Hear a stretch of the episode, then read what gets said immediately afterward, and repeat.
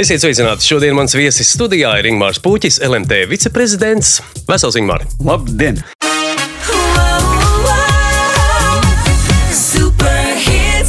Klausīsimies Ingūna dziesmu izvēli. Tad noklausīsimies uzreiz to, ko tu esi izvēlējies. Nosacītā, viss šeit mums ir nosacīti. Top 5. vieta ir Moloko, The Time is Now. Tātad laiks ir. Sākums. Tagad sākums. You're my last breath. You're a breath of fresh air to me. I am empty. So tell me you care for me.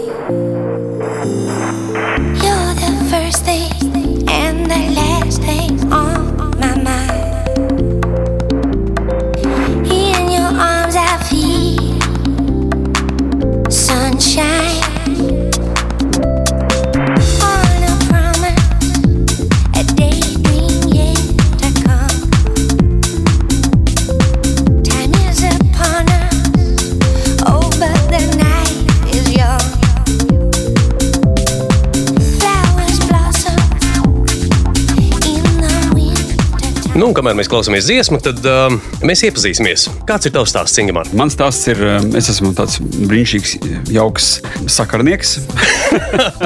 Komunikācijas Es speciālists. uh, nekad nedomāju, ka es būšu sakarnieks. Es vispār gribēju būt biologs, bet uh, bioloģija manī nospēlēja dažādas joks, un uh, es kļuvu par sakarnieku. Un, jau, un principā tā vai savādāk sakaru vai informāciju tehnoloģiju nozare esmu vairāk kā 20 gadus, kas liekas neaprakstām garš laika periods. Bet es esmu, jā, sakari, sakari, sakari. sakari. Tu minēji bioloģiju. Visiem ar visiem. Ar visiem, ar visiem, bet uh, bioloģiju tu reāli studēji bioloģiju. Nē, nē, es gribēju, es, biju, es, es, es esmu, es esmu sorosīts. Uh, Gan drīz, vai nu, es, es dabūju. Gan drīz dabūji stipendiju. Ja? Es dabūju stipendiju, es jau Aha. biju dabūju stipendiju, un tad izrādījās, ka es būšu tētis. Un tad es sapratu, ka es tomēr laikam nekur nebraukšu un nu, palikšu te. Un tad, tāpēc tā nu, bioloģija ļoti ātri man iestājās manā dzīvē. Un, uh, Jā, pagaidi, kur tu biji uzzīmējis sev braukšanu? Man vispār man ļoti interesēja, man interesēja klimata modelēšana. Es, biju, es esmu matemātiķis, eh, Rīgas pirmā gimnāzija, un, un es, man tālajos 90. gadu vidū likās, ka tā būs, kas arī ir liela tēma šobrīd. Un es gribēju braukt uz to brīdi, laikam, sanāca, ka Budapešta bija tā viena tēma, vieta, kur, kur, kur vecos laikos. Bet tagad tas viss ir mainījies. Bet, eh, Jā, jā. bet, bet bioloģija sev turu, nu, turu tuvu. Ja? Kā tas izpaužās? Nu, tāpēc, ka to bioloģiju tu redzi, viņi visur riņķī apkārt. Jebkurā lietā, ko cilvēks dara, cilvēks ir dzīvnieks, viņam ir grūti tikt no tā projām, un mēs dažādos veidos slēpjam to. To bioloģisko Bio, to būtību. Ja? bioloģiju, un, un tas ir gan nezinu, sapulcēs uz ielas, veidos, kā mēs pieņemam lēmumus. Ļoti maz tajā, ko mēs rī- nu, darām, ļoti maz kas no tā ir tāds pilnīgi no tīrā prāta izrietošs. Liela daļa no tā ir mūsu instinkti un programmas, kas mums ir ļoti līdzīgas daudziem citiem, citām dzīvām būtnēm un cit- citām sugām. Nu, jau tu iemeti ārkārtīgi interesantu āķīti, par to mēs parunāsim. Bet uh, pirms mēs tiekam līdz tam, kā tu kļuvi par sakarnieku. Par sakarnieku, par sakarnieku. Es kļuvu Nu, par- konkursa, Konkursa kārtībā. Konkursa kārtībā. Es sāku savu darbu gaitu Itālijā, tūkstošgadus mijā. Toreiz bija tāds Ciāla telekom, un, un tur es e, sāku. Man gāja ļoti labi, jo es biju nācis no tāda mazā biznesa, e, kur, kur kā saka, es biju redzējis to biznesa mežonīgo pusi un ieejot tādā lielā, stabilā uzņēmumā, man likās nu, ļoti viegli un, un, un forši un bija tāds arī strauja, strauja izaugsme arī karjerā. Bet tu jau uzreiz tā nekļuvi par viceprezidentu. Ne uzreiz, nē, uzreiz piedzimu vecs. Uzreiz, nu, paga, tad kā, tu sāki kā vīšu puika, ja? LMT vai kā? Es eh, ne, īstenībā tas nav nemaz smieklīgi. Eh, Man, mēs ar manu draugu, mums toreiz bija kaut kādi 12 gadi, mēs labāk pirmie ieviesām to sērgu kā avīžu tirniecību vilcienā. Jo mums gribējās nopelnīt naudu. Tad tu tomēr esi bijis avīšu puika, es uzminēju vienkārši. Jā, jā viņš bija 90, 80, pašas, pašas beigas, 90. Es atceros, viņu bija daudz, es braucu vilcienos tajā un, laikā. jā. un, un tad mēs dabūjām tādu saikni ar īpatnējā. Tā bija avīze atmoda, pie kam kas bija. Mēs no Tautas frontes, no biroja dabūjām kaudzi avīžu un devāmies viņus pārdot vilcienā. Sapratām, ka vilciens ir forša vieta, jo tur cilvēks sēž, viņiem nu nav ko darīt. Viņus veicām mārketinga analīzi kaut kādā mērā, atradām savu segmentu. Un, uh, tas bija baigi jocīgi, nu, kad ieeja attaisnās durvis tajā vagonā. Un, un tad, nu, tad, Un viss uzreiz puika, puika panāca ar Nu, negluži tik labi nebija. Viņi, vi- nu, tāds, nu, viņi bija tādi šokēti pamatā, un viņi bija skeptiski. Bet pa laikam no kad es žēlumu nopirku kaut ko, es nezinu. Tiešām es žēl, nē, nē, nu, es tagad nedaudz būt, uh, dramatizēju. dramatizēju, lai nebūtu garlaicīgi, bet uh, jā. Tā tas bija. Nu, labi, no tiem visiem darbiem, ko tu esi darījis, ko tu esi izkristalizējis sev, kas ir pats svarīgākais tajos darbos, tev kā cilvēkam? Tas tikai ir jautājums. Jā, mēs uzreiz saprotam, ķeramies vērsim pie ragiem. Paša būtiskākā. Tad viena lieta, man liekas, kas ir svarīga, ir dzīves prieks. Zini, kā ja tu uh, sāc rītu, dienu, darbu, sapulci, tikšanos vai projektu ar domu, ka viss ir šausmīgi slikti un man visticamāk nekas neizdosies, tad visticamāk arī nekas arī neizdosies. Un tomēr bija viena pētniece, viņa bija teikusi, ka viņa ir organizācija psihologs un viņa konsultē dažādas korporācijas. Un viens no tiem pirmajām lietām, ko viņa dara, ieejot jaunā klienta uzņēmumā, viņa pastaigā pa gaitiņiem, vai tur var dzirdēt smieklus. Uh -huh. Ja organizācijā tu ejot pa gaitiņu, tu dzirdi, ka cilvēks smējās kaut kur sapulcēs kabinetos, tad ticamāk, ka to veselību viss ir diezgan kārtībā. Ja tu ej pa organizāciju un tur neviens nesmējās, viss ir šausmīgi nopietni, tad visticamāk viņiem ir vāks. Nu, vismaz stāvoklis ir smags, teiksim tā. Pacients ir. Paci pacients ir smagi slims un ir jā, grūti runāt būs. Jā. Labi, dzīves prieks, es pilnīgi piekrītu tev un pieņemu šo postulātu. Kā tu to dzīves prieku sev uzturi un kā tev liekas, kas būtu tie faktori, kas veicina un kāpēc mēs viņu pazaudējam? Un vienkārši arī kaut kādā oficiālā sēžot un viss priekšā mums liekas tik drūmi. Uh, katrs, nu, katrs nākamais jautājums paliek ar vienu, ar vienu. Beidz, es tādu presingu uzlikšu atbildīgāks. Nē, nē, nē, mēs, mēs... nosviedīšu, bet es, es domāju divas lietas. Viena lieta, protams, šis būs banāli. Ja? Pirmā lieta ir īstenībā komanda.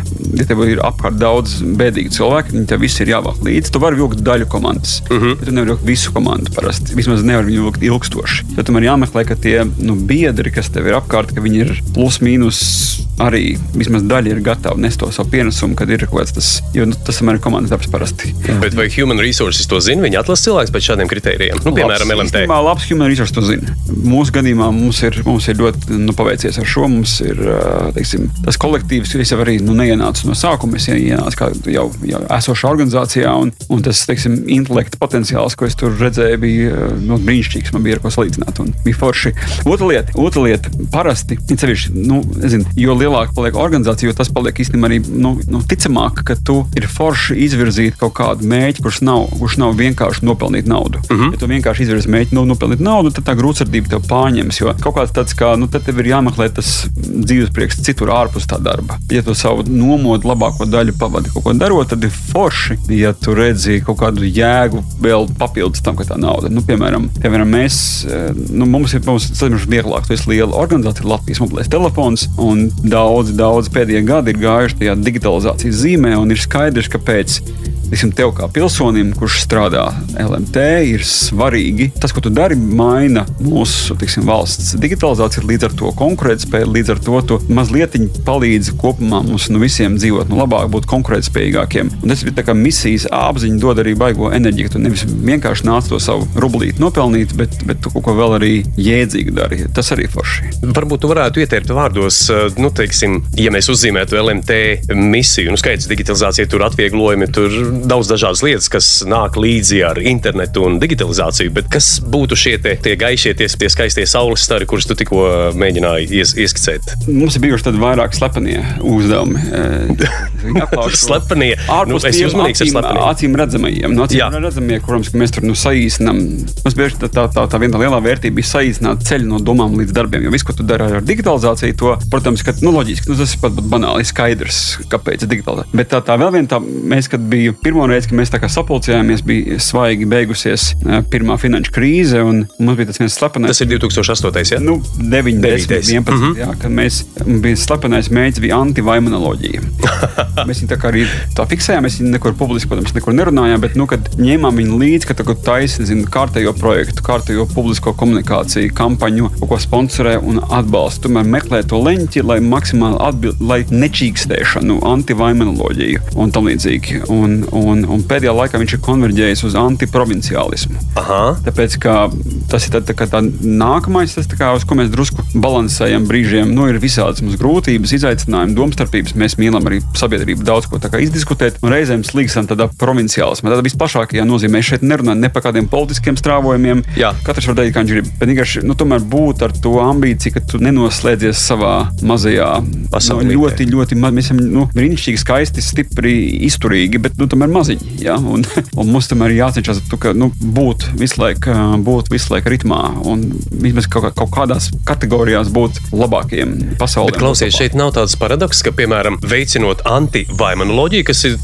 gandrīz jau folklorizējusies lieta, vienkārši šī pati vaimanoloģija tiek pacelta virsplanā un cilvēki tad vienā brīdī, nu, varbūt nu, var nonākt nejauši pie pretējā rezultāta. Un tāpēc arī par to parasti nerunā. Mm -hmm. Tu viņu kā komandā par to paturi, to kā tādu, kā tādu atskaites punktu, bet, tu, protams, ka tu nevari teikt cilvēkiem, esiet priecīgi, ko jūs te bēdājaties. Ja? Jā, jā, jā. Mēs tagad...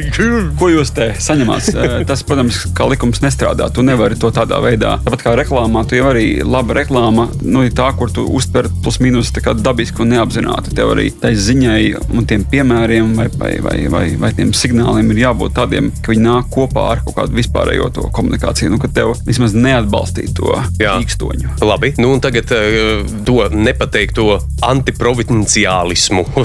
kā, kā tas izpaužas jūsu darbībā? Ja tu vari ieskicēt. Varu. Es uh, paņemšu vienu piemēru. Pirms gada mēs, uh, mēs un vēl vairāk IT informācijas tehnoloģiju uzņēmumu Latvijā kopā ar atsevišķiem entuziastiem no valsts puses un no medicīnas puses. Tā bija pats pats, pats Covid sākums. Tas, bija, tas tagad liekas jau kā tālu sena vēsture, tas nav taisnība. Mēs toreiz bija tādas neskaidras norādes par to, ka teorētiski mobilos tālruņus varētu izmantot kā kont kontaktu meklēšanai tiem, kas ir saslimušie cilvēki. Tagad ja tas ir jau tā, jau vēsture visiem ir aizgājis. Tas tobrīd bija jaunums. Un, un bija tāds, mēs vienkārši sanācām kopā, darījām to pilnībā no bez maksas. Darījām, tas bija daudz, bija, nu, katru vakaru pēc sešiem man bija sākās sapulce, kurā mēs sēdējām, piedalījāmies, plānojām un darījām. Un tā visa rezultātā mēs bijām pirmie uz planētas, kas ievies šo pilnībā šo, šo, šo risinājumu kopā ar Apple un Google. Un tas man bija ļoti interesanti pieredze, jo es redzēju, ka tev nevajag valsts tēlu miljonus, tev nevajag visādus brīnumus. Un tikko tu dari kaut ko, kas ir no nu, šobrīd pasaulē svarīgi, un tu esi starp pirmajiem, kas to ir darījis, tu momentā iziet kā nazis cauri visiem. Tu nonāc CNN, nonāc pie viena galda ar Apple nu, vadību, kas būtu neiedomājami. Mēs esam maziņa valsts, nu, nu, nu, ko Apple ar mums runāt ar tādu operatoru vispār, nu, tā ikdienā. Ne, nav par ko. Ja? Bet tikko tu kaut ko dari izcili, tu momentāli nonāc tur. Tāpēc tas ir bieži vien vienkārši vajag, vajag mazāk runāt, vajag mazāk baidīties, ka tu, ja tu vari kaut, nedaudz, kaut kādu elementu izdarīt kontekstuālāk, to, kas šobrīd ir svarīgi Londonā, Ņujorkā un nezinu, Bangladešā, jā, tad tu ļoti ātri esi tajā pasaules apritē. Man liekas, tas ir tādi, tādi labi piemēri. Es domāju, ka šis ir brīdis, kad mēs noklausīsimies tev nākamo izvēlēto dziesmu un paturpināsim šo tēmu. Un nākamā nosacītās. Viss šeit mums ir nosacīti. Ceturtās vietas ieguvēja ir Lana Del Rey ar video games.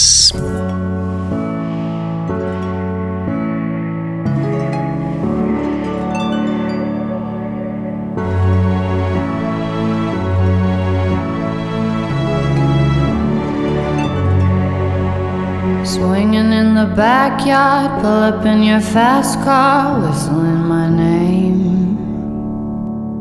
Open up a beer and you say, Get over here and play a video game. I'm in his favorite sundress, watching me get undressed, take that body downtown. I say you the bestest, leaning for a big kiss, put his favorite perfume on, play a video game. It's you, it's you, it's all for you. Everything I do, I tell you all the time. Heaven is a place on earth with you. Vēl druskuļi īsi par to, ko tu jau runāji. Es gribēju tomēr iesniegt protestu, vēl pirms mēs nu, turpinām. Jā. Es, es nejauši atsūtīju tādā secībā. Es domāju, ka es sākšu ar dāmām un nobeigšu ar tiem kungiem, bet tagad sanāk, ka man dāmas ir pēdējā vietā. Es, nu, es gribētu oponēt šim. Jā, tad, tad, tad mēs viņu ieliksim, la, mēs ieliksim Lanu, kurā vietā. nē, nē, es domāju, ka dziesmu kārtība secība ir nejauša.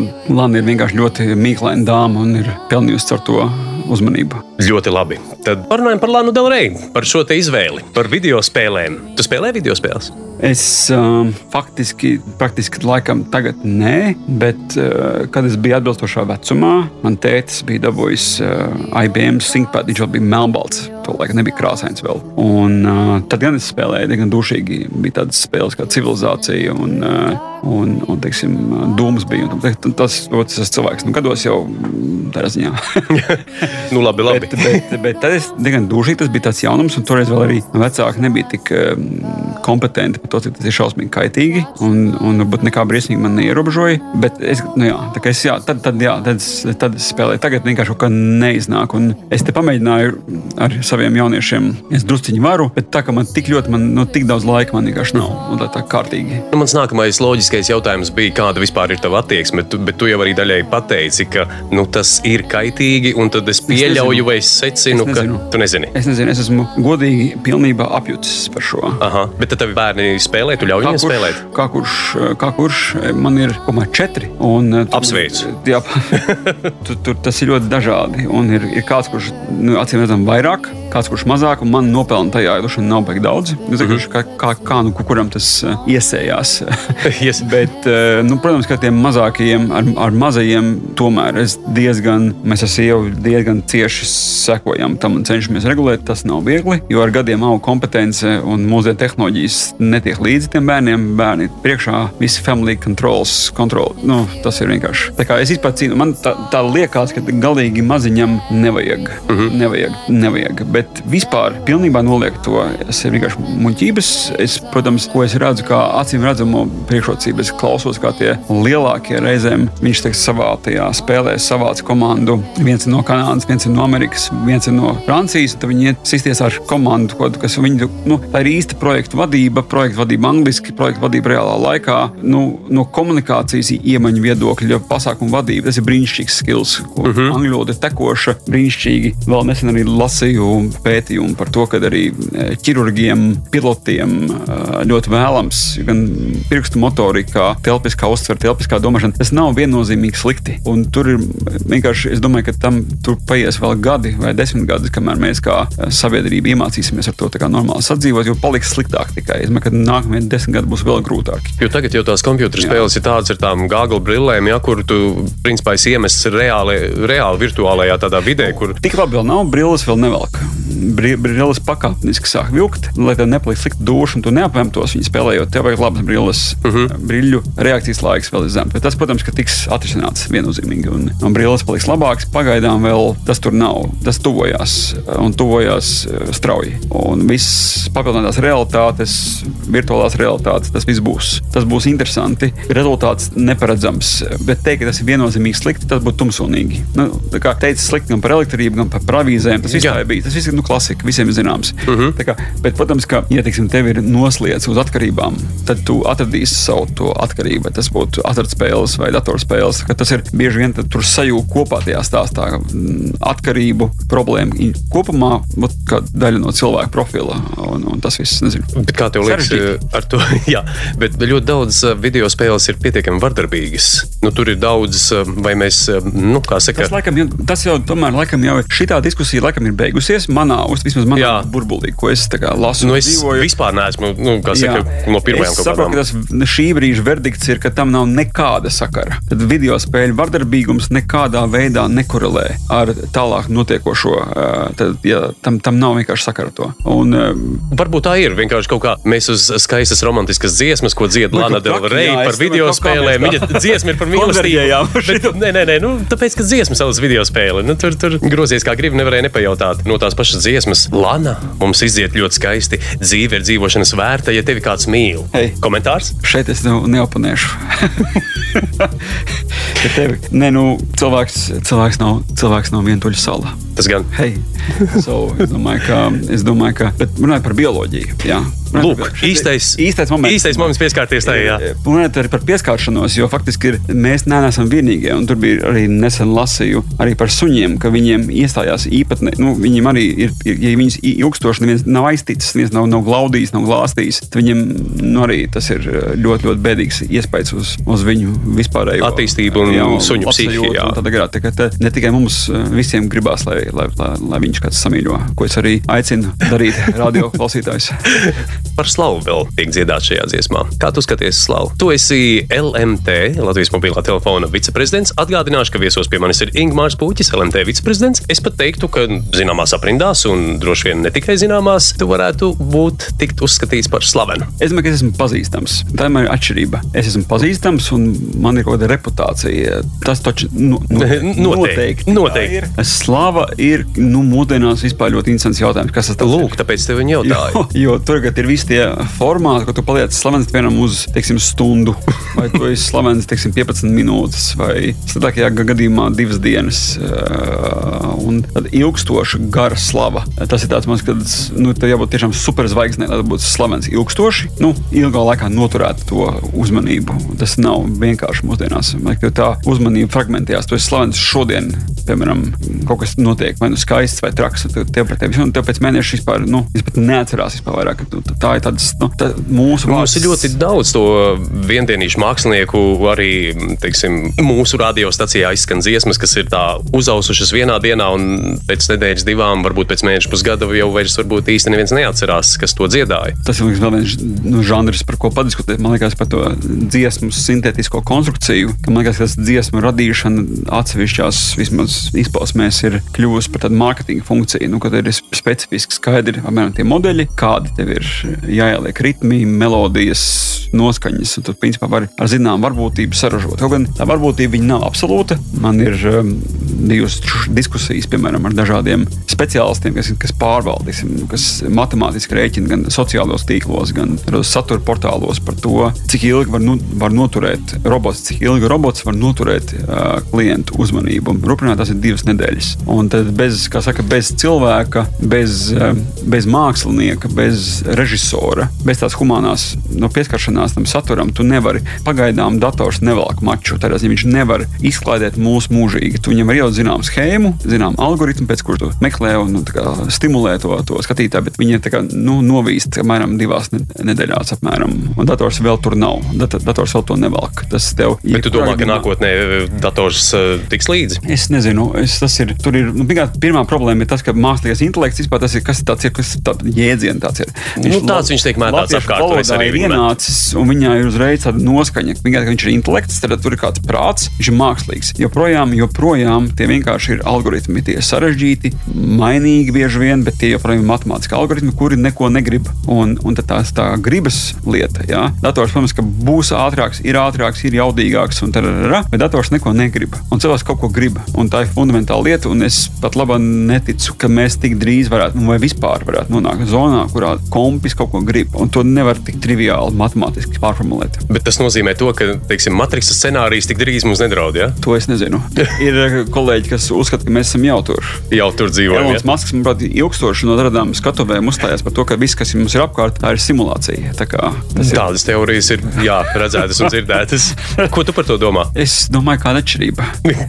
Jādzīvo šeit un ko var pataustīt. Jā, jo šeit, jo īstenībā, nu, ja mēs, nu, šeit ir klasiski matemātiķu vingrinājums, klasisks, tad ļoti viegli paņemt, piemēram, mēs jau būtu zinātnieks, iet laboratorijā, ielikt trauciņā baktērijas, viņas tur dzīvo, rosās, ēda vienu otru, tur ir tusiņš, spriedze, drāma, bet viņas ir trauciņā, viņas kāds var ielikt, viņas nemūžam nenojauš to, ka viņas ir trauciņā. Tad ekstrēmā scenārijā mēs varam iztēloties, ka mēs arī esam trauciņā, jo mums nav nekāda iespēja nu, izkāpt ārpus trauciņa un novērtēt situāciju no malas, ar ko mēs nevaram matemātiski pierādīt to, ka mēs neesam trauciņā. Bet, nu, nu un ko lai dara? Tā bioloģija. Bioloģija. Tā bioloģija un tas pieskāriens tik un tā ir vajadzīgs Mēs esam brīdī. šajā diskusijā nonākuši pie ļoti bīstamas robežas. Eh, Šīs ir sākās ārkārtīgi depresīvā diskusija, uz ko es neaicinu radio klausītājus.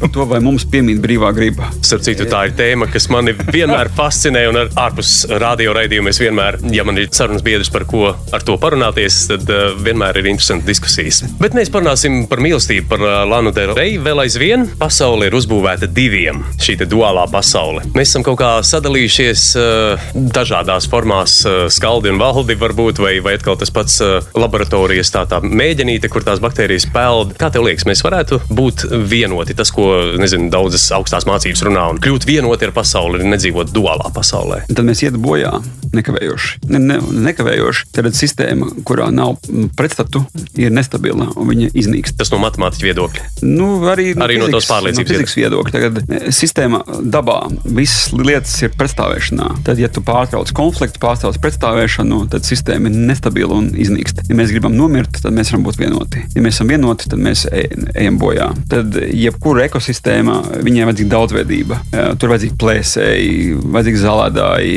tur ir tusiņš vienmēr kaut kāds. Mm -hmm. Un, un tā kā visi dzīvo lielā draudzīgā nu, ģimenē, visi ir vienoti, visi ir uz, uz vienas frekvences, tad tas arī principā ir gals. Bija tāds vecos laikos, bija tāds rakstnieks, no Staņdārzs Lems. Viņam bija eh, grāmata, fantastika par, par, par, par tādu vienu planētu, kur bija tāds liels da, dators, eh, mākslīgais intelekts, principā, nu, mūsdienu tulkojumā tas būtu. Viņiem tās planētas iedzīvotāji uzdeva uzdevumu, viņi grib sasniegt pilnīgu laimi un mieru. Mašīna rēķināja, rēķināja, tad saīsināja visas planētas iedzīvotājus vienā telpā. Un īstenībā stāsts beidzās ar to, ka katru iedzīvotāju pārvērta par geometrisku objektu un vienmērīgi izvietoja uz planētas virsmas vienādā attālumā viena no otra. Tad viņi bija pilnīgā mierā un laimē. Viņi bija, viņi bija nekustīgi, statiski objekti vienādā attālumā viens no otra. Un tas ir pilnīgi stabilitāte sistēmā un laime.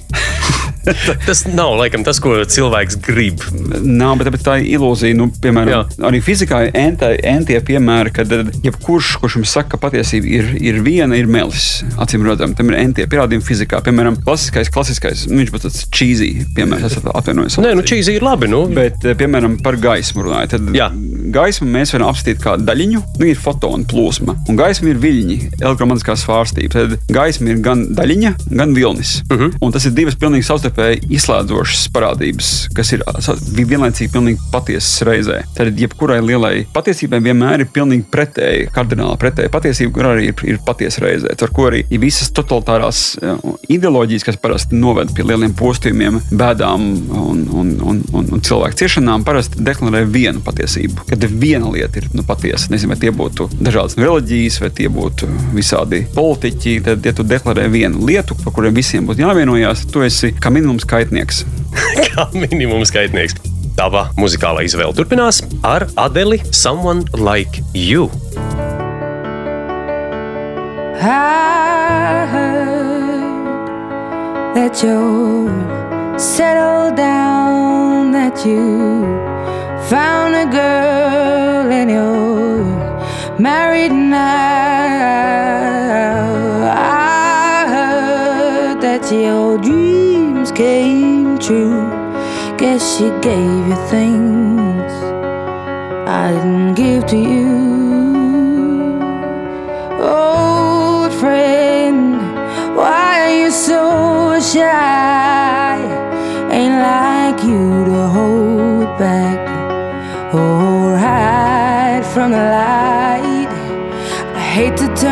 Up out of the blue uninvited, but I couldn't stay away. I couldn't fight it. I had hoped you'd see my face and that you'd be reminded that for me it isn't over. Par sapņiem Adele dzied. Viņa sapņo. Ingmār, par ko tu sapņo? Jautājumi paliek ar, ar, ar vien, ar vien, ar vien piņķerīgāki. Um, Tāpēc, ka mēs klausāmies 21. gadsimta dziesmas, kas liek justies labāk, un arī paralēli pa vidu tam mēģinam izdibināt, kas ir Ingmārs mans viesis studijā. Zin, kā ar sapņiem, eh, ar sapņiem ir, eh, mēs varam divējādi praudzīties. Ir, ir viens ceļš, ka mēs raugamies, eh, par ko sapņo burtiski. Nu, kā Nu, kad tu aizēji gulēt un sapņoji. 8 stundas. Jā, jā. Tad, Bet tu, daudz, tu redzi sapņus O, reāli. jā, o, jā, es, Jā, es, jo es, piemēram, nesapņoju. Un Kā, es nezinu, apgalvoju, ka visi sapņojo, tikai neatcerās. Bet es, es, pat nezinu, ka es, bet es pat nezinu, ka es sapņoju. Es vienkārši es iekrītu un izlienu. Nu, tā kaut kā ir. Nē, es redzu daudz dikti, bildes, krāsaini, daudz bagātīgi. Nekas tik traks tur nenotiek. eh, Bet es arī, protams, neesmu neko neatceros. Bet, eh, bet saturs ir labs, labāk par Netflixu. Man nav ne mazāko šaubu, jo Jā. tu tikko apliecināji par zināšanām un, un attīstību redzot visu to fonu, kas tev ir dzīvē, dzīves pieredzes laikā uzkrājies. Jā, bet uh, es sen neesmu bijis kalnos. Es varētu sapņot par to, piemēram, varētu aizbraukt. Ja mēs runājam par tādu nevis sapņošanas izpratnē, bet ilgošanās izpratnē, tad uh, drusku noriebies ir, uh, drusku noriebies ir neceļot. Jā. Tā kā var kaut kur. Man drusku tajā pirms-covid laikmetā bija tā, drusku bija iegājies, ka nu, tu tomēr ik pa laikam kaut kur aizbrauc un to, ko nu, redzi. Un, un tas tomēr ir kļuvis par tādu būtisku tādu mm, pieredzes daļu, ka vienmēr kaut kur vari. Bet tu esi vairāk kalnu cilvēks vai ūdens cilvēks? Ja mēs tādu dalījumu tagad ieviestu, es, es esmu laivotājs. Es, ne, es esmu lielo daļu Latvijas upju nolaivojis, bet tas man netraucē būt arī kalnu cilvēkam. Es esmu uh, ar cienījumu Kristapā Liepiņa vadībā iz, izskolojies tos alpinismu pamats arī apguvis. Man varbūt nav milzīgi tādu nu, sasniegumu. Es, es neesmu gluži suicidāls, daļa no alpinisma, manuprāt, ir viegls tāds suicīds, bet uh, suicīds man nepatīk, bet kalni man patīk.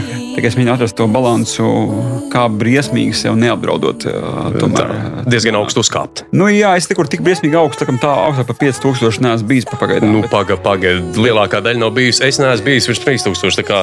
bet eventuāli es pat arī nezinu, vai es gribu baigāt augstāk. Kaut gan, nu, tas kā, nu, kad tu tur stāvi, tad ir tas nu, azarts. Ir. Bet ar to skābekli tur tomēr tas prasa laiku. Un tev vienkārši jā, jāgatavojas. Jā. Un, un tur viss tas, ir tā. Kur tu esi bijis? Kur tie, kur tie 5000 ir pievārēti? Es biju Kirgīzijā. Kirgīzija brīnišķīga vieta, ļoti skaista zeme, ārkārtīgi garšoga. Tu ļoti nelielā attālumā no lidostas, kas ir Biškaka galvaspilsēta, ļoti ātri nonākt Alačs kalnos. Tur ir ļoti, ļoti mežonīgi un ļoti, ļoti skaisti un vispār. Mm -hmm. Tagad šeit prasītos stāsts par kāpienu kalnos, kur, zini, kā, lai izraisītu dopamīna kaut kādu šo izmešanu asinsritē, kur paliek tas, ko sauc par cliffhanger, kur tu jā, stāst, stāstu, un tad un visi gaida, kas notika tādā. Kāds, kas palicis atmiņā no, no taviem kalnu pārgājieniem? Nu, visvairāk, laikam, kas man visvairāk ir paticis īstenībā no formāta viedokļa, ir tāda lieta, kas ir daudziem pieejama, par ko daudzi neko vispār nav dzirdējuši. Droši vien arī ne. Bet arī pilnīgi nevainīgi ārvatot, piemēram, uz Itālijas ziemeļiem, piedāvājums ir. Viņš neskan pretī parasti, bet, ja iegūlē, viņš ir. To lietu sauc kanjonings. Tas nozīmē, ka tu uzvelc hidrotērpu, uzvelc ķiveri, uzvelc botas, uzvelc uh, drošības šo siksnu un laidies lejā pa kanjonu. Tu peldi. Tur prasīt, kas ir kanjons tādā izpratnē. Tas ir šaurs, klinšu, teiksim, tāds, nezinu, kur upe ir izgauzusi tā kā šauru, šauru tādu kā gravu. Vai, mm -hmm. nu, vienkārši abās pusēs siena un pa apakšu tek ūdentiņš. Un reizēm tu, man, man patīk tos skaistais pasakas apraksts. Reizēm tu viņā peldi, reizēm tu nonāc pie maza ūdenskrituma, tev viņā jālec pāri, tu lec lejā no nākamajā, bet reizēm tu nolaidies ar virvi, jo tur ir 30 metri. Reizēm tu ienirsti grotā, reizēm tu atkal. Bet tur kaut kāda laiviņa ir, vai tu vienkārši nē, nē, pats vienkārši tā kā tu peldi ar visu to, nu tā kā ar vesti, jā, protams. Nē, nē, nē, nē. vesti tur nav vajadzīga, bet uh, vesti, nē, nu tev hidrotāps jau arī neoprēns tur. Aha. Neoprēns tur. Un, un, un tas ir rītīgi, rītīgi smuki. Es pirmo reizi darīju Omānā, tāds čūsku kanjons, Liepiņa kungu vadībā kā reiz arī, un uh, vairākas stundas. Tu vienkārši virzies nu, leju pa tādu vietām, ir nolaišanās e, elements ar virvēm, bet nu, kanjoni ir dažādi. Es esmu bijis arī Itālijā, kur nav nekādas nu, virves, tu vienkārši plūsti, vai Horvātijā es esmu to pašu darījis. Un vienkārši ir rīktīgi jautri. Tas kā ir iedomāsimies e, Līvu akvaparku un trubas tikai nu, daudzas stundas no vietas un smuki, un, uh, un tu esi tajā ūdenī. Un, uh, tas ir rīktīgi interesants formāts. Viņš ir salīdzinoši, viņš nav tik prasīgs kā īstenībā. Nu, protams, var arī dabūt ļoti hardcore to, nu, kad tev ir baigās slodze, ja, piemēram. Jā. Bet viņi arī nu, gradējās kā jau viss palielam. Un tas ir pieejams, pieejams bet viņš kaut kā, es nezinu, kāpēc, bet viņu, teiksim, Itālijā es viņu atradu, tāpēc, ka es viņu vienkārši iemeklēju no Google, iemetu un atradu. Un tu zināji, ka tāds ir, es pat nezināju, ka tāda lieta pastāv. Viņš tur bija, bija piedāvājis, bet tā, ka tu tā brauc, viņi, tu, tu, tu, tu pat neredz to kaņonu. Viņš jau vienkārši nav tādi uzkrītoši. Viņš bieži vien, tu, piemēram, Itālijā vispār tu ej pa tādu tipisku nu, latviešu no ainavu, tur koki un pļavas un, un govis, un pēkšņi vienkārši tāds bumps kaņons sākās. Tur. Nu, tāds viņš maziņš, nu, viņš nav ļoti plats. Un tu kādas nu, divas stundas kārtīgi tur nu, izvingrojies pa viņu un ir pīstami jautri. Tā kā es, tas galīgi nav kaitīgi. Tas ir vēlams. Tur nevar, nav tā kā zin, tās zemūdens akmeņi, uz kuriem var galvu nu, kaut kā tādu. Atkarīgs, tas... no, atkarīgs no kaņona. Tu, protams, ja tu ļoti, ļoti meklē, tu kaut kādas piedzīvojumus var visu kaut ko pateikt. ne, viņi arī atšķirās pēc grūtību pakāpēm, protams. Uh mhm. -huh. Un nu, es, piemēram, vienmēr eju kopā ar kādu gidu. Es neju tur viens, protams, viņam ir tur ekipējums, viņam ir pieredze, viņš to kaņonu zina. Un, un tā. tā kā vēl viens formāts, kas arī ļoti, ļoti nekaitīgs, ir, ar kur var cilvēks parastais nonākt ļoti cieši tuvu klāt kalniem. Ir arī Itālijā tas Vija Ferrata, kas ir, kas ir uh, Pirmā pasaules kara laikā, bija fronte. Viņi gāja starp Itāliju un Austriju, gāja pa kalnu virsotnēm, un fronte bija jāapgādā. Nu, tur šāviņi, ēdamais, dzeramais, tādā garā. Viņi mm -hmm. izvilka troses, lai varētu tikt tajos kalnos. Augšā troses, vienkārši troses, pie kurām tu pieķēries. Man tuvākā alegorija būtu, teiksim, nu, meža kaķis vai nu, mm -hmm. tā zāle trase, tikai tā trase ir izvilkta pa kalniem. Pa tādām vietām, kur tu nevari uziet ar kājām, nu, tā sevi briesmīgi neapdraudot. Kur tu normāli kāpj kā alpinists vai, vai pa klintīm, bet tev tur tā trose ir. Tas ir viens no visnekaitīgākajiem veidiem, kā tu ļoti, ļoti, ļoti nu, meža kaķa drošības līmenis. Tev tu vienmēr esi pie troses. Tu vari, tu vari paslīdēt par, par kaut ko, bet tu paliksi pie troses. Nekas tāds tev neatgadīsies. Un tu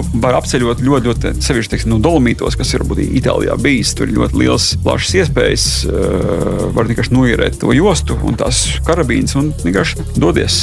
Ļoti, ļoti skaisti. Arī pilnīgi nekaitīgi. Nav, nav, nav, nav suicīds, bet daile. Skaidrs par daili. Bet klausies, laižoties pa to upi lejā, tādā divu stundu, tur sanāk laiks pārdomāt dzīvi, vai jebšu tu esi tur pilnīgi iekšā tajā. Nu, tas īstenības moments notiek ar tevi tajā brīdī. Noteikti vai... pēdējais, noteikti īstenības moments. Tur noteikti, ja kādam gribās, teiksim, atslēgt smadzenes, būt te un tagad, būt, kā tas bija tagad, mindful, jā, kā tas, latviski bija. Lai nu kā, bet eh, tu esi tajā brīdī, protams, eh, jo tev, nu kā, tā vide ir ap, ap tevi, tu esi ūdenī, kā pār ūdens, tu krīt, lec viņā, rāpies, mēģini noturēties. Tu esi te un tagad noteikti. Masīva adrenalīna deva, ne? Bet tādā la, labā izpratnē, nu priecīgi. Priecīgi, ļoti priecīgi. Es maniem jauniešiem ļoti, ļoti, ļoti patika. Tur viss ģimene bija. Jā, jā. Un tad jūs visi kopā. Nu, viņiem ir tā priekšrocība, viņi tā jaunība dod priekšrocības zināmas. Eh, piemēram, tur ir pēc izvēles, vai darīt, nu, teiksim, mēs bijām Horvātijā distances beigās, ir iespēja pēc izvēles lekt no 9 metru augstas klīnas. Vienkārši, ja, ja, ja gribās. Es sev piespiedu vienreiz nolikt, jo no es principā, es neesmu nekāds tāds švakmans, kas nevarētu nolikt no 9 metru klīnas, kam on, vai ne? Un, uh, viņi kāds reizes, nu, 20 noliec no viņas. Tur bija šis cits, tas cits. Funkcijas viņiem nav tas cits, cits, cits mūcis ir, jā. Nu, ja jau mēs sākām stāstu stāstīt, un tu izstāstīji jau divus interesantus stāstus. Izstāsti man stāstu, kas satur baltos melus. Tu melo? Saprot, cil cilvēkiem dzīvē vienmēr sanāk kaut kur kaut ko nu, piepušķot, varbūt pat izdomāt, lai būtu interesantāks stāsts, vai, vai vienkārši nepateikt kaut ko. Un tad ir tas, tas tāds muļķīgs jēdziens, baltie meli, un, un tad nes kāpēc viņi ir balti, bet viņi tik un tā ir meli. Domāju, visu laiku palielam bija tas, uh, tā bijusi par šo tēmu bijusi diskusija, kā izturas pasauli, kurā cilvēki nemelo nevienā brīdī nekad nemaz. Un tas ir līdzīgi ar to nekustīgo. Kaut kas tamlīdzīgs, jā, nu, tā kā biedējoši, tas pasauli ir biedējoši, jo, jo kā izrādījās, ka cilvēks ir, lai varētu dzīvot sabiedrībā, un tā, kā, nu, to, tā lieta būtu tāda ieeļotāka un ne, nebūtu tik šausmīgi agresīva un tik tas viss tā spriedzīgi, tad, tad pielāgot to, ko tu runā ar cilvēkiem un kā tu runā ar cilvēkiem. Jā, jā. Pielāgojies, lai tā, tā saskarsme ar pārējiem nebūtu tik, ag tik agresīva. Jo, ja tu kurā katrā brīdī saki, ko tu tiešām tagad domā, tas visticamāk ne ar ko labu nevarētu beigties. Tu, principā, tie baltie meli mums tāda kā buferzona vai tā kā eļļa tāda, ja starp uh, nu, nogludināt. Minētu, jā, jo, jo manā pieredzē reizēm es esmu bijis noguris uh, vai dusmīgs un kaut kāda komunikācija ar citiem cilvēkiem, nu, kad viņi tā kā, nu, ka tu baigi nefiltrē, nu, ka tu tā dod vaļā, ka tev, ko tu tiešām domā, tas parasti jocīgi beidzās. Nu, tas nav konstruktīvi un tas nav produktīvi. Nekonstruktīvi, neproduktīvi. Mans viesis studijā Ingmārs Puķis, LMT viceprezidents, sakarnieks, kā viņš pats saka, ceļotājs. Un uh, tu makšķerē? Man te nesen bija makšķernieks ciemos. Man ir bijis ilgstošs periods dzīvē, kad es to daru. Makšķerēju, uh, man nav izcila panākuma. Jāsaka, bijis. Es uh, atradu pašā beigās to formātu ar to forelēšanu kādu brīdi, bet man draugi, kas turpināja, viņi sasnieguši pilnīgi citus, citus vispār augstumus un līmeņus. Viņi, viņi sien savas mušiņas un, uh, un brauc uz kur tur uz Zviedrijas ziemeļiem un ko tur vēl tur visādi vingro. Un, un es, es tur nesmu. Es esmu tā, ka nu, noķer foreli, viņi turpat uz līdzenas vietas ar jēlu arī apēt. Tas viss ir, to es esmu darījis. Tas ir tiešām garšīgi, tur zinām, pieredze ir. Bet, bet kaut kāds man tas uh, sentiments pārņēma tomēr beigās, jo, nu, es šis skanēs jocīgi, ja, bet man, nu, tā kā drusku pa brutāli tā lieta, to āķi krāmēt, vai zivītai mutē, tad viņi vēlas laukā, ja tev viņi īsti tur baigi vajag to zivi, ne īsti, nu, es beigās tā kā bišku metu mieru. Man tas vispār patīk tas formāts, es, es tagad vismaz mēģinu to kompensēt, man tas, protams, nav tas, es mēģinu ar to, ar to snorkelēšanu kompensēt šo formātu. Bet, bet forelēšana, forelēšanai, protams, ja tu dari pareizi, tur, ir, nu, tur vismaz ir kaut kāds nu, respekts pret to zivi. Man pat ir paziņas, kuri neiet tur gumijas zābakos. Viņi uzvāk baltu kraklu un, un nu, linu bikses. Kāpēc? Un, ska, nu, Nu, cienīgāk. À, tas tā vienkārši, lai cienīgāk Nevis būtu. tā br- nu, brutāli gumijas zābaku. Zivs, jā. Nu, un es gribu tevi apēst. Nu, tu tā kā ej tā kā uz svētkiem uz to. Tas ir grūts. Tad, nu, tad tu bišķiņ tur cenāk tādi pa tiem krūmiem un Bet tur loķiem. jau arī baigais skills vajadzīgs, ne tāda prasmīta. Nu, kas man uh, nepiemīt, piemēram. bet, eh, bet vismaz tu esi ā, astoņas stundas tu pa, to, pa tiem krūmiem tur eh, nu, ložņājis. eh, Kaut kāds nu, fiziskais tur ir. Mhm. -huh. Arī smuki parasti nonāc tās mazās upes. Ir, tur ir savs romantisma ā, aspekts, ir, ko tu parasti neredzi. Es pat nav nezinātu, ka ir atšķirīgi. Teiksim, ir makšķerēšana, tad ir forelēšana. Makšķernieku pasaulē, tas pat, laikam, Latvijā ir viena no lielākajām komunām, kāda vispār ir. Es zinu, ka tie vērtējumi gāja simtos tūkstoši. Bija kaut kā ir 200 tūkstoši cilvēku, kas sajuši regulāri makšķerē. Ja ir kā tiešām īstam būtiska nu, kustība Latvijā, tie ir makšķernieki. tas ir nu, ar to prātīgi. Nu, Jā, prātīgi. Es, es, es ļoti atvainojos, ja kādu makšķernieku nejauši aizskāru. uh, bet tad tu izstāstīji, ka tev teiksim, tā ainiņa ar to āķi mutē un tā, tā zivs cepēšana un vispārējā. Kā, nu, Ne, nu, es es, es, es drusku tā. Es vienkārši domāju, ka tā reizēm var, bet laikam pa īstam es saprotu, ka ir, nu, pa īstam ir starp mums ir cilvēki, kuriem tas mednieku, makšķernieku instinkts ir nenormāli stiprs. Viņš nevar nu, nemedīt, viņam tur jāiet un jādarbojas. Man tik traki nav, bet es zinu, man apkārt ir draugi, kas ir rīktīgi pa īstam. Tur ir mednieki un makšķernieki un rosās. Un... tu pats medī. Nē, to, to gan es neesmu. Nav, nav gadījies. Nē, nē, nav. Un Es nojaušu, ka arī iekšējas vēlmes tev tā īsti nav. Es esmu zemesargs. Tā kā šaujamies. Tā kā ir. nu, varbūt par zemesardzību, jo mums nākamā dziesma ir pietiekami tāda vīrišķīga, kas ir Red Hot Chili Peppers By the Way. Standing in line to see the show tonight, and there's a light on, heavy glow. By the way, I tried to say I'd be there, waiting for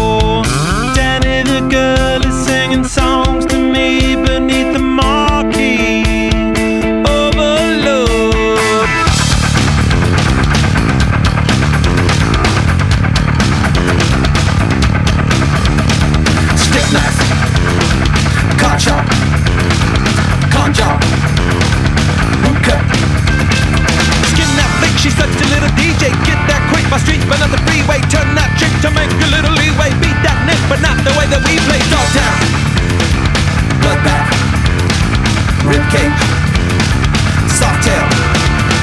Standing in line to see the show tonight, and there's a light on. Stāst dažos vārdos, eh, kāpēc zemesardze un kāpēc tu tur esi? Oh, es, uh, man bija tāda hipotēze, ilgstoša hipotēze, ka, teiksim, ja mana vecāka paudze teiksim, viņi bija tautas frontē un tur atmoda un, un, un, un principā, tā paudze neatkarību atguva, tad man paudze varētu būt darīt labi, ja viņi nu, nepazaudētu. Nu, tā kā vismaz pa- paturēt un nodot tālāk.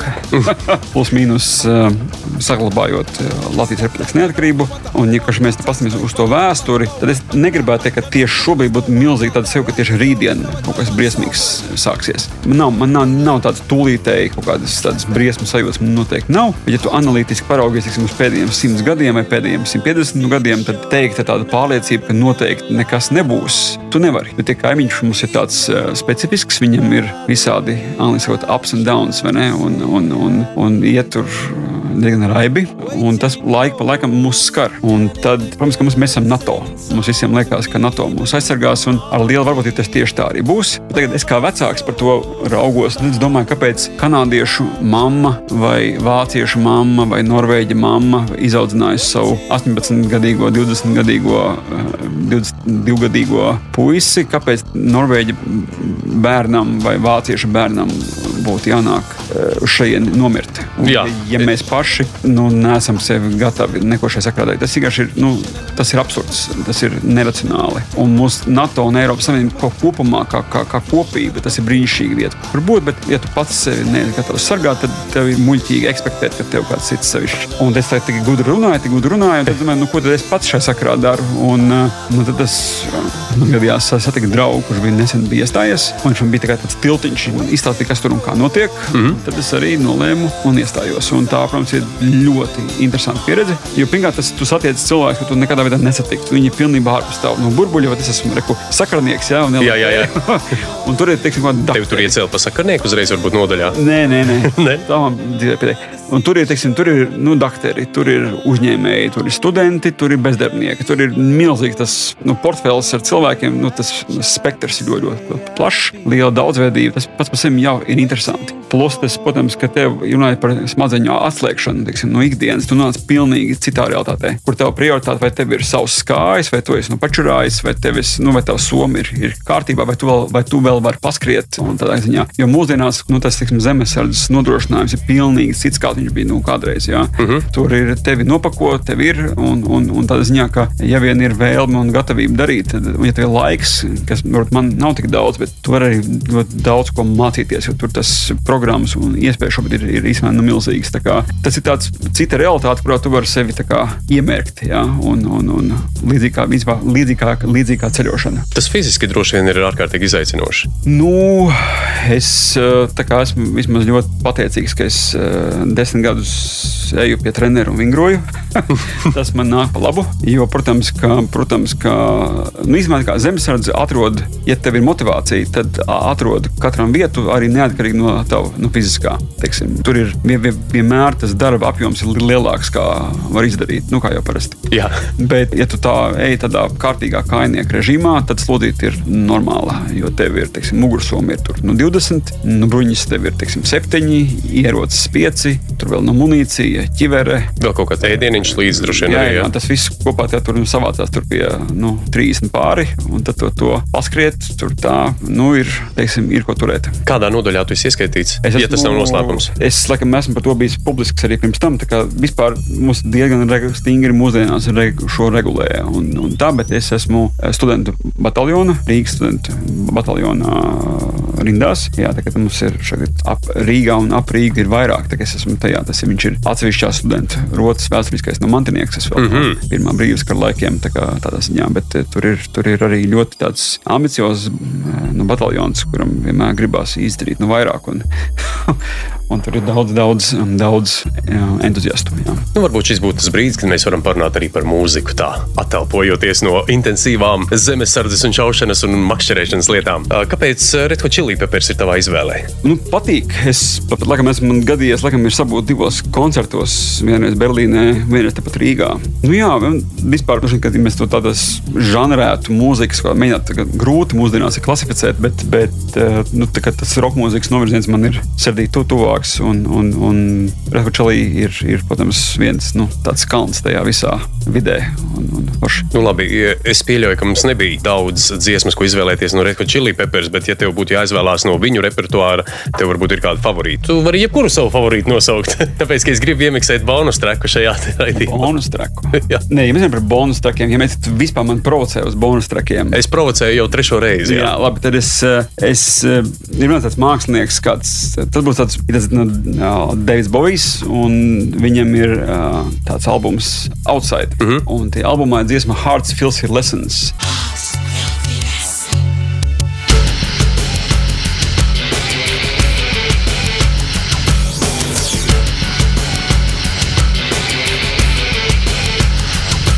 There's always a diamond friendly.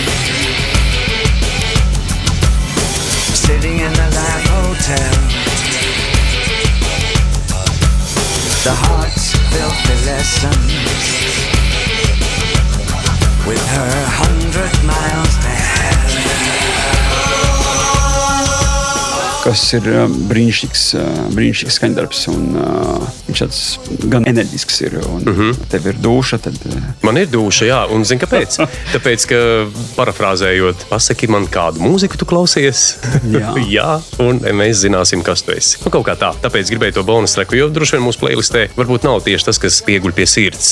Jā, nu, Rekorčilī arī brīnišķīgs. Nav nekāda vaina. Ļoti patīk. Un, man īstenībā, man, man sieva ir galvenais Rekorčilī fans. Principā, droši vien, vai es būtu patstāvīgi aizbraucis uz Berlīnu uz koncertu, es nezinu, bet mani, mani norganizēja. nolika- uz pareizajām sliedēm.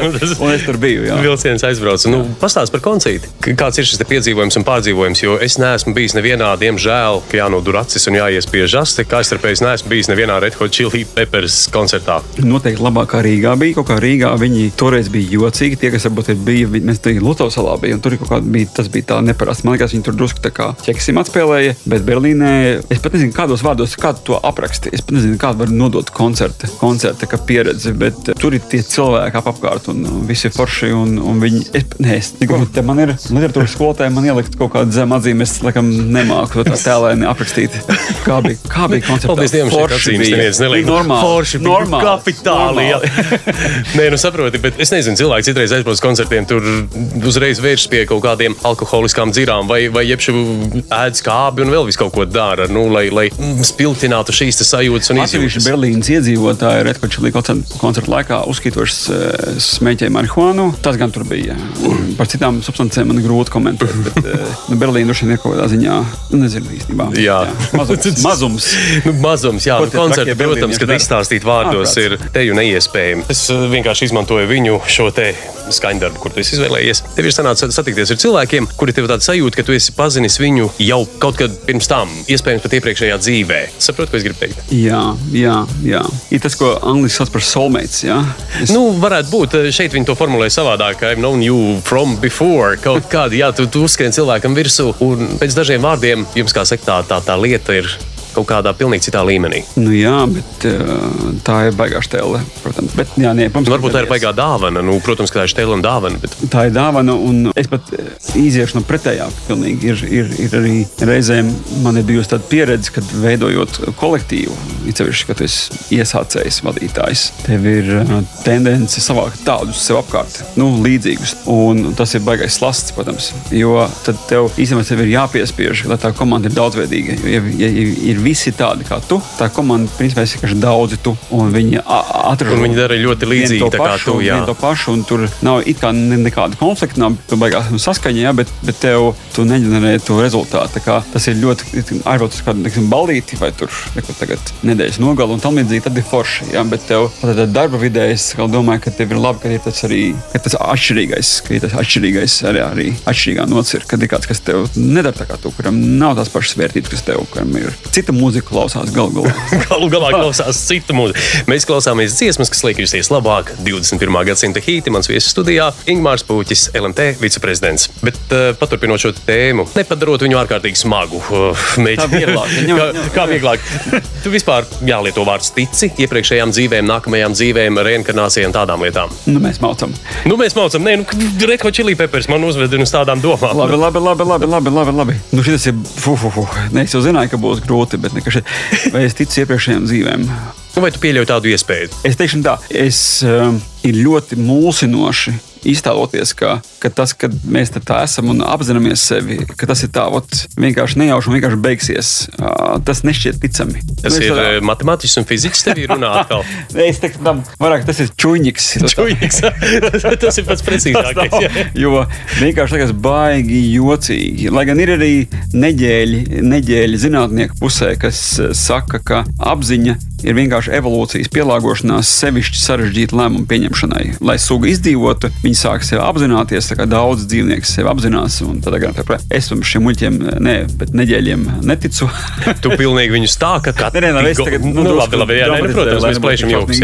Šausmīgi tā garā, tas pārāk nopietnas nebūtu, bet, es, eh, bet iepriekšējā dzīve es nezinu, protams, bet eh, tas nu, šķiet maz varbūtīgi, maz varbūtīgi, vai vismaz negribās piekrist kā minimums uh -huh. tam, ka ar to arī viss. Līdzīgi kā mēs varam paturpināt to matemātiski, līdzīgi kā ļoti maz varbūtīgi, ka mēs esam vienīgie. Uh -huh. Ja tu paskaties tur ārā, tad uz, uz mūsu zemeslodes dzīvību atrast jebkur, kur vispār viņai būtu kaut mazākā varbūtība būt, vai tas būtu 100 metru zem zemes, vai tas būtu atmosfērā, vai tas būtu tučs tuč pie nu, nu, vulkāna malas, vai vienalga, kur visur čuma, jā, Jā. visur ir dzīvība. Un iedomājieties, ka mēs esam vienīgā, pat vienīgā tāda nu, planētiņa, kur, kur ir īpaši tāpēc, ka tagad tas, ko mēs redzam, ka daudzas lietas evolūcijā attīstās daudz reižu. Acis, kā ir daudz reižu nu, vēsturē nu, parādījusies. Un, es ja zinām loģiku, kā tas notiek, un iedarīt pieņēmumu, ka mēs esam šī vienīgā vieta visā visumā, kur ir dzīve, viņš arī ir tāds, nu, nu tas vismaz, ka mums ir augstprātīgi. Nu, lūk, tā kā iepriekšējā dzīve,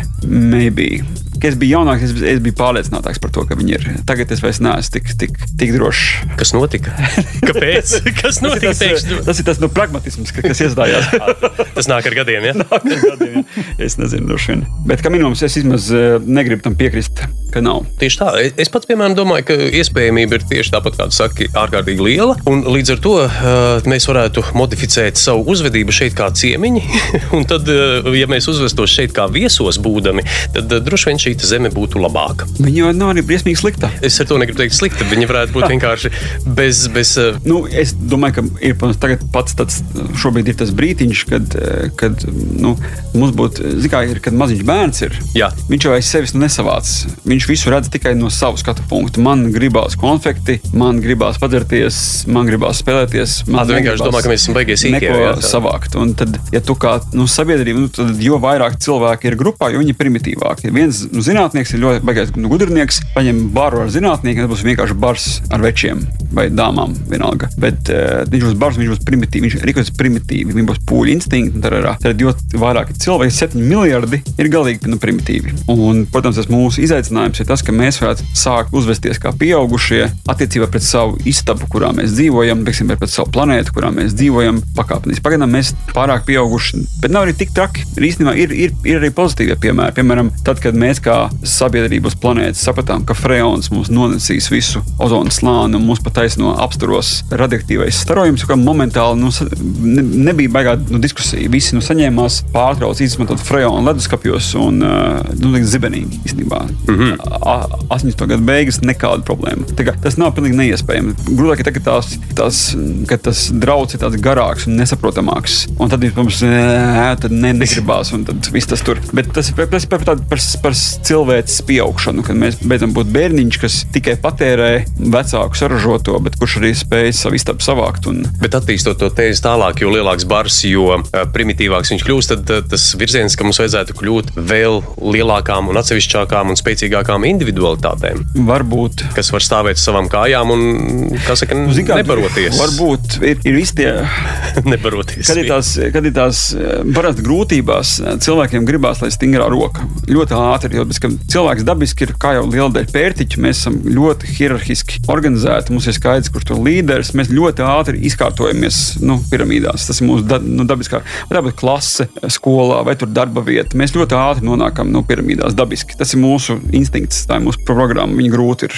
Pārveidot, jā. jā bet eh, tad ir visi tie apzinātie procesi, tiksim, tā kā nu, dažādi nu, demokrātijas un tam līdzīgi, kas ir bieži vien skan drausmīgi sarežģīti un nevajadzīgi. Un labāk viens kārtīgs saimnieks atnāk un pasaka, bet nu, tā demokrātija ir viens no veidiem, kā tu vari palikt pieaudzis, kā, nu, kā, kā bars, kurš ir normāli o, organizēts, viņš ar zinām ciešanām un grūtībām un čakarēšanos. Ar to nu, demokrātiju tas ir kaut kāds veids, ka tu kā pieaudzis, ja tu krīti atpakaļ tajā totalitārismā, tad tu ej atpakaļ pie nu, pērtiķiem. Lielam stingrā roka, tas ir pērtiķis. Tev kārtīgi sirmā mugura, gorilla, ja viņš tur pasaka, kā ir. Bet mums tagad tā nav, nu, piemēram, kaut kādas tās, uh, nu, piemēram, Eiropas Savienības stingrā roka vai kādreiz Padomju Savienības stingrā roka. Eiropas Savienība ļoti spēlējās ar uguni, man liekas, pēdējā laikā. Viņi kādreiz, man liekas, tā ideja par to, ka katra valsts ir, ir sava tur ar savu to īpatnējo interesu lokālo un tā, ko sauc par federalizāciju, Jā.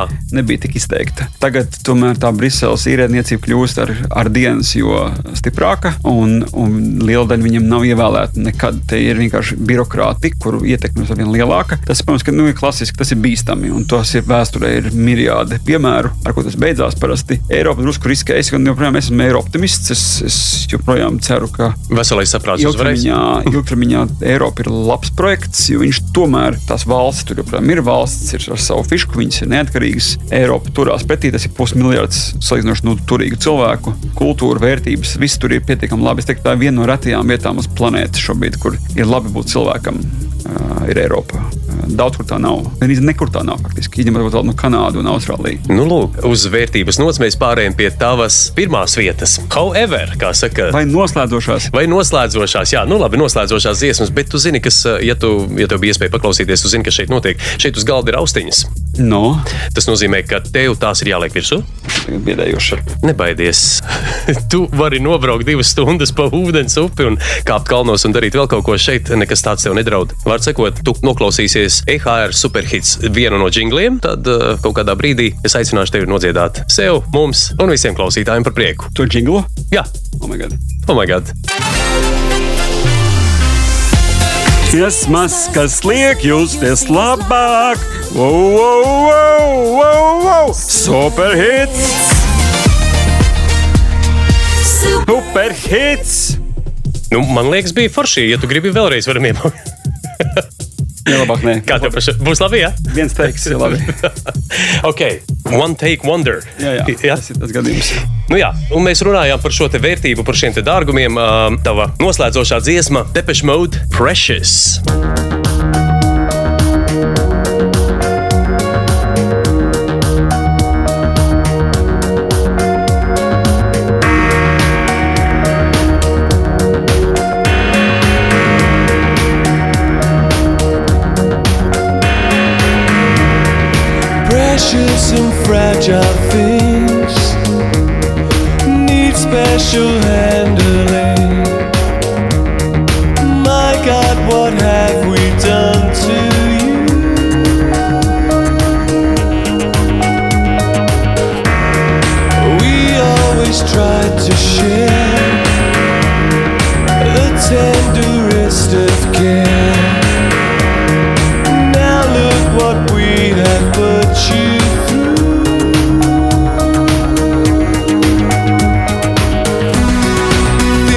tur viņi tā arī dzied šīs dārgās un trauslās lietas, ar kurām mums ir jāpietās īpaši uzmanīgi. Un tu jau kaut kur ieskicēji, kas tev tās ir šīs dārgās un trauslās lietas, ar kurām mums jābūt kā cilvēkiem vai tev kā Ingmāram ārkārtīgi uzmanīgam. Nu, Tūdaļ būs tāds rinda ar dažādām uh, banalitātēm. Es saulēcīgi brīdinu. Nav, nav vēl fakts. Bet, nē, nē, nu, man liekas, ir tas acīm redzamie. Tas, uh, nu, ka tava ģimene, tie cilvēki, kas tev ir apkārt, vecāki un bērni un sieva, un tas viss ir uh, kaut kas tāds, par ko tev ir jārūpējas. Tas ir tas, par ko tu esi atbildīgs. Un tad tu vari arī to paplest bišķiņu plašāk. Un tad, ja nevis, kur tu to robežu noliec, arī droši vien, ka zināmā vecumā tu sāc arī atbildēt par to nu, valsti, kurā tu dzīvo. Droši vien tu arī par to esi atbildīgs. Tu esi neesi tā kā pat tā kā maziņš bērns, kā patērētājs tajā valstī. Tad tu esi viens, kas viņu kā veido droši vien. Nu, pa planētu es, es vēl neesmu tik tālu izaudzis, bet tas būtu tā, tā pēdējā nekur. Bet tieši šajā dziesmā, tajā pirmajā sadaļā, klausoties depešmaudu, tur tā sajūta rodas, ka viņi tieši par mūsu zemīti arī dzied. Jo ko mēs esam nodarījuši tīri negribot apmēram. Nu, jā, mēs esam, mēs esam tāda kā amēba, kas eh, nedomājot izrīja un varbūt. Un tad ir tie amēbām ir tie testi, kā nu, tas ir klasisks pie- piemērs. Viņa ielaist to barību, viņa nojauc no līdzsvaru tajā savā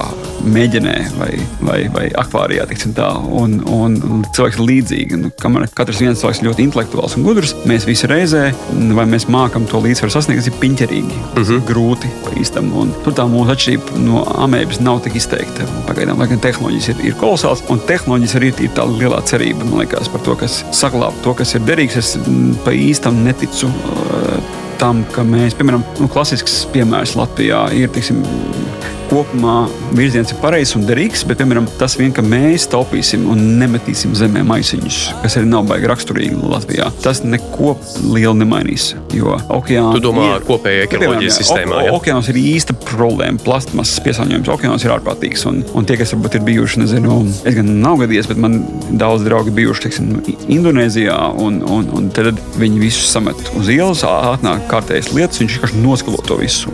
Ieskalo okeānā vai Indijā upe, kas vienkārši plasmasas plūsma, kas tev pat aizsno nāk jūrā. Tas ir ārprāts pa īstam, un tam ir pa īstam efekts uz to. Bet vienlaikus tas, ka mēs daudz šīs rituālās lietas tur darām, piemēram, kā nezinu, cenšamies plasmasas maisiņus neizmantot. Viņš, man, viņš ir neracionāli no mūsu, no mūsu platuma grādiem un no mūsu kultūras viedokļa, bet viņi ir racionāli no viedokļa, ka tas dod mums visiem savstarpēju si signālu, ka vispār tā tēma ir būtiska. Viņš gan politiķiem, gan uzņēmumiem signalizē, ka vispār liela daļa sabiedrības negribētu dzīvot mēslos, nu, piemēram. Uh -huh. Un tad ir, bet ir arī tās praktiskās izpausmes. Nu, lielā talka, liekas, skaists piemērs, piemēram, ir, kad cilvēki iet un, un tomēr vāc, un tas pakāpeniski arī rada to spiedienu uz to otru pusi, jo vienmēr beigām mīkla man bijusi. Kāpēc to dīvānu ved uz to mežu? Ot, kāpēc? Tas ir čakars. Tu ieliec viņu tajā mašīnā, tu rosiet viņu neslējā, tu dīvānu lietas mašīnu, tu brauc uz mežu, tu brauc iekšā mežā, ne jau kā pie- iebrauc iekšā, tu viņu stīvē laukā met tur. Kāpēc? Nu, ko tas ir tā ideja? Kāpēc jāmet mežā? Kas tā pa fišku ir vispār? Es tev gribēju jautāt, tā- tā kopējā tendence, ko tu varbūt ievēro un vispār uh, mums Latvijā, Latvijas iedzīvotājiem. Nu, mēs tā, tā kā rūpējamies, vai kā, kādā, sta- kādā Nezinu, ļoti dažādi. Man liekas, ka man vispār pašam liktos, es tagad varbūt Tu tikko liekas laimošs sev, man liekas, ka vispār, vispār pal- nav nekad bijis pārāk slikti un arī vispār paliek kopumā labāk. Lai gan tas segments, kas dara jocīgi, viņš ir gan liels, bet bieži vien, kad tu aizbrauc uz citām zemēm, tad tu redz to kontrastu. Piemēram, tajā pašā Omanā, piemēram, viņiem ir parādījies pēdējos desmit gadus jauns trends. Viņi brauc zaļumos. Nu, viņa gadījumā tad tu- to ir maz tā zaļuma, bet, bet nu, Viņi brauc pie smilšu kāpām. Ja? brauc, pie, jā, brauc izbrauc ārpus pilsētas, uh, nu, piknikot, tur viņi tos savus paklājus izklāja un tur pīpē un dzied. Un, uh, un viņiem tas ir jaunums, tā, tā lieta. Viņi kādreiz to darīja savos nu, pagalmos. Un viņi to visu, ko ņem līdzi, viņi turpat arī atstāja. To, to, to kols, nu, pudeli un to un tev pēkšņi, ko arī Liepņikums, kurš daudz gadus, Kristaps Liepiņš, alpinists, kurš daudz gadus brauc uz Omānu, viņš ļoti krasi redz to pārmaiņu, pirms gadiem desmit viss bija pilnīgi, nu, fantastiski. Nosēts ar atkritumu? Nē, tuk, tukšs un tīrs. un Tagad pēkšņi tādās skaistās vietās pēkšņi parādās viss tas, un tur viņš arī nu, nepazūd. Viņš tur ilgi paliek. Jā, tur jau viss ir sauss un glabājās ilgi. Un, un, un, un, vai tādās daudzās citās vietās, kad nu, tā tradicija mēs kaut ko zemē un sārņot, viņi ir dažādi. Nu, es, man liekas, ka Latvija nav sliktākajā galā. Galīgi mums tās, tās nezinu, saikne ar dabu ir gan stipra. Un, un, bet, nu, bet, nu, Bet vai mūsu ekonomiskie spaidi, piemēram, kaut kā neveicina šo mūsu bagātību izsaimniekošanu vai tādu nihilistisku attieksmi vispār? Kas... Man ir šo ļoti grūti runāt, jo es. eh, Man, Tas tevi skar personīgi? Nē, nē, nē, nē, Ne? nekādā veidā. Bet man draugi ir un labi, ka cilvēki, kurus es respektēju, ir abās diskusijas pusē par eh, mežu samniecību. Un ir, es pazīstu vienu grupējumu, kuri ir pilnīgi nu, putās par to, kas šobrīd no- notiek ar, ar, ar, ar ciršanas apjomiem. Ir otra puse, kas atkal visādi pie, pierāda un atkal saimnieko un rāda, ka viss ir, ir kārtībā. Un, nu, ja mēs tā skatāmies objektīvi, pirms, pir- pirms otrā pasaules kara uz mežu bija uz pusi m- mazākā šobrīd Latvijā. Un, un, tiksim, šis ir viens no mežainākajiem periodiem pēdējo daudzu gadsimtu laikā. Jo lauksaimniecība pirms tam, iepriekšējos gadsimtos, bija daudz agresīvāka un izcirta daudz vairāk kā šobrīd. Tā kā viss ir relatīvi, bet, mm -hmm. bet, bet protams, tas, tā, kā, nu, tas ir sarežģīti diskusija. Es īstenībā Jā, jā. Es, es teiktu, ka kas ir īsta kaitniecība, ir tie nu, mazie hesi. Tam tas ir pa īstam posts. Nekādas ekonomiskas jēgas no viņiem nav. Tad enerģētikā viņa pie, pienesums ir nu, tuvs Pārāk niecīgs. Viņš, viņš nav vairāk, nu, ka tam nav jēgas. Un viņi, protams, aiztaisīs cietu upi, tur zivju ceļi nonīks, krastu erozija. Tas ir tā, ir tāda, bet es domāju, ka mēs pieredzēsim. Bet klausies, kur tu redzi mūsu teiksim, enerģētisko risinājumu? Jo tā šķiet, eh, nu, tagad mums ir jaunā zaļā ideoloģija un visādas citādas lietas nāk pāri, un, eh, tiek, eh, un kas nav nepareizi. Ja? Bet tajā pašā laikā, kur mums iet ar to? Kā, nu, kā tu to redzi? Nu, mēs, labā ziņā, mēs neesam vienīgie tajā Jā. ceļā. Domāju, ka puse Eiropas ir, ir līdzīgā situācijā kā mēs. Un tur domāju, ka būs risinājums, būs fragmentēts, viņš būs dažāds. Tā ir brīnišķīga tēma. Piemēram, nu, tas pats, kas notiek ar saules enerģiju. Piemēram. Es neesmu liels entuziasts. gribētu teikt. Man, man, man ir daudz jautājumu par to, jo viņi nav viennozīmīga laba enerģija. Tad, lai saražotu saules nu, paneli, tur jau pusmedaļā jau tabula vismaz pat labāk.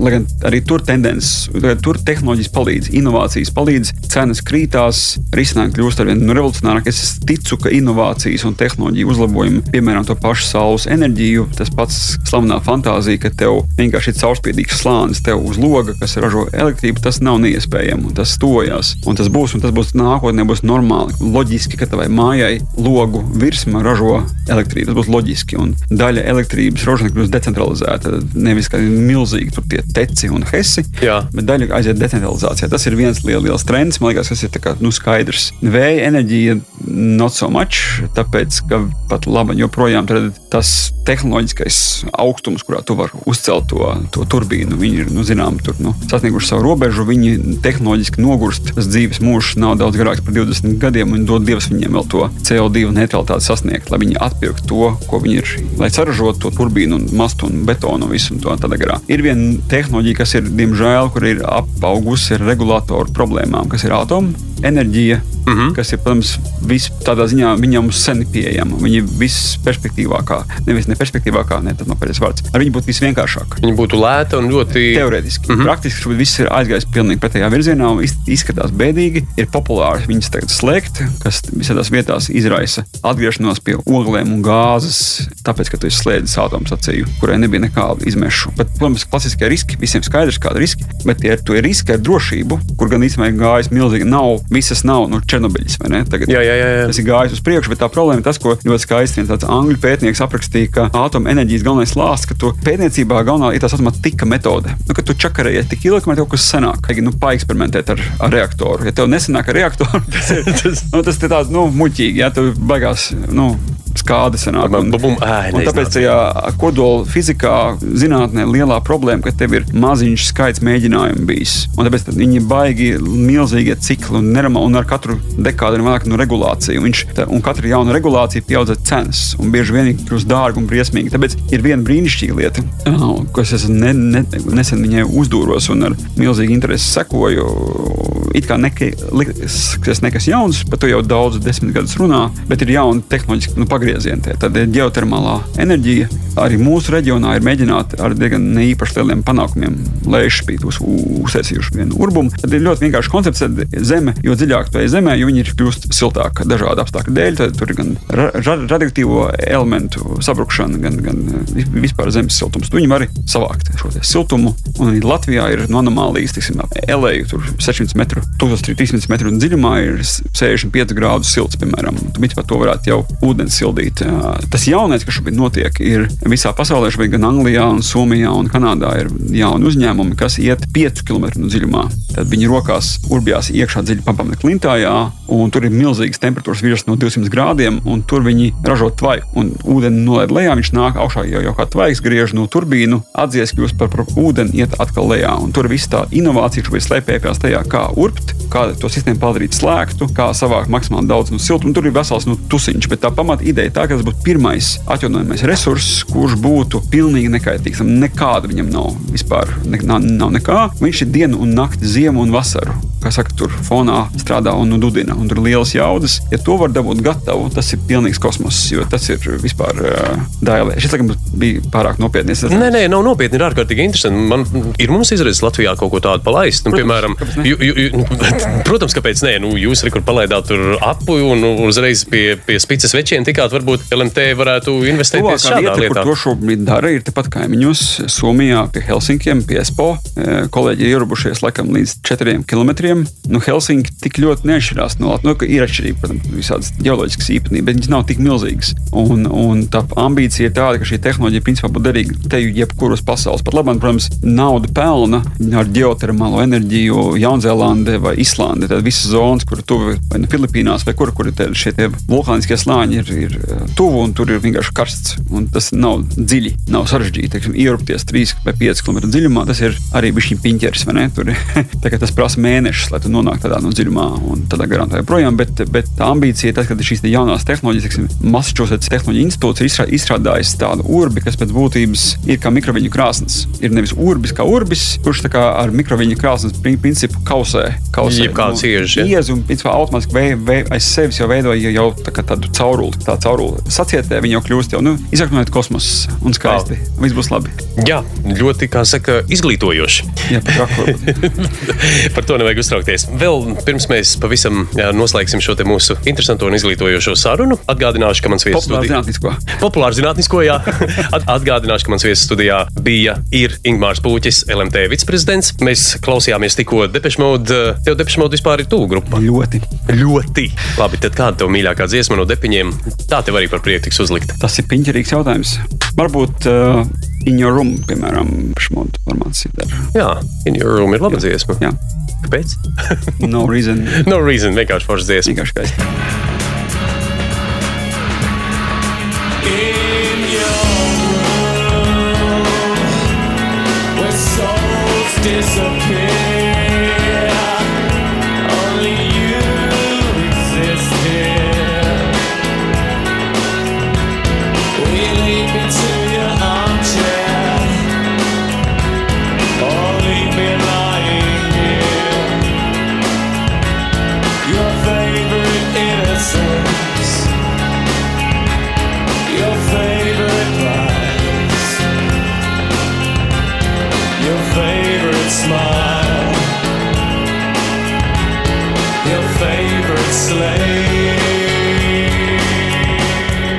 Tas nākās? To arī staigāju un zīmēju uz sienām ar šo te. Ne? Tas īstenībā palika.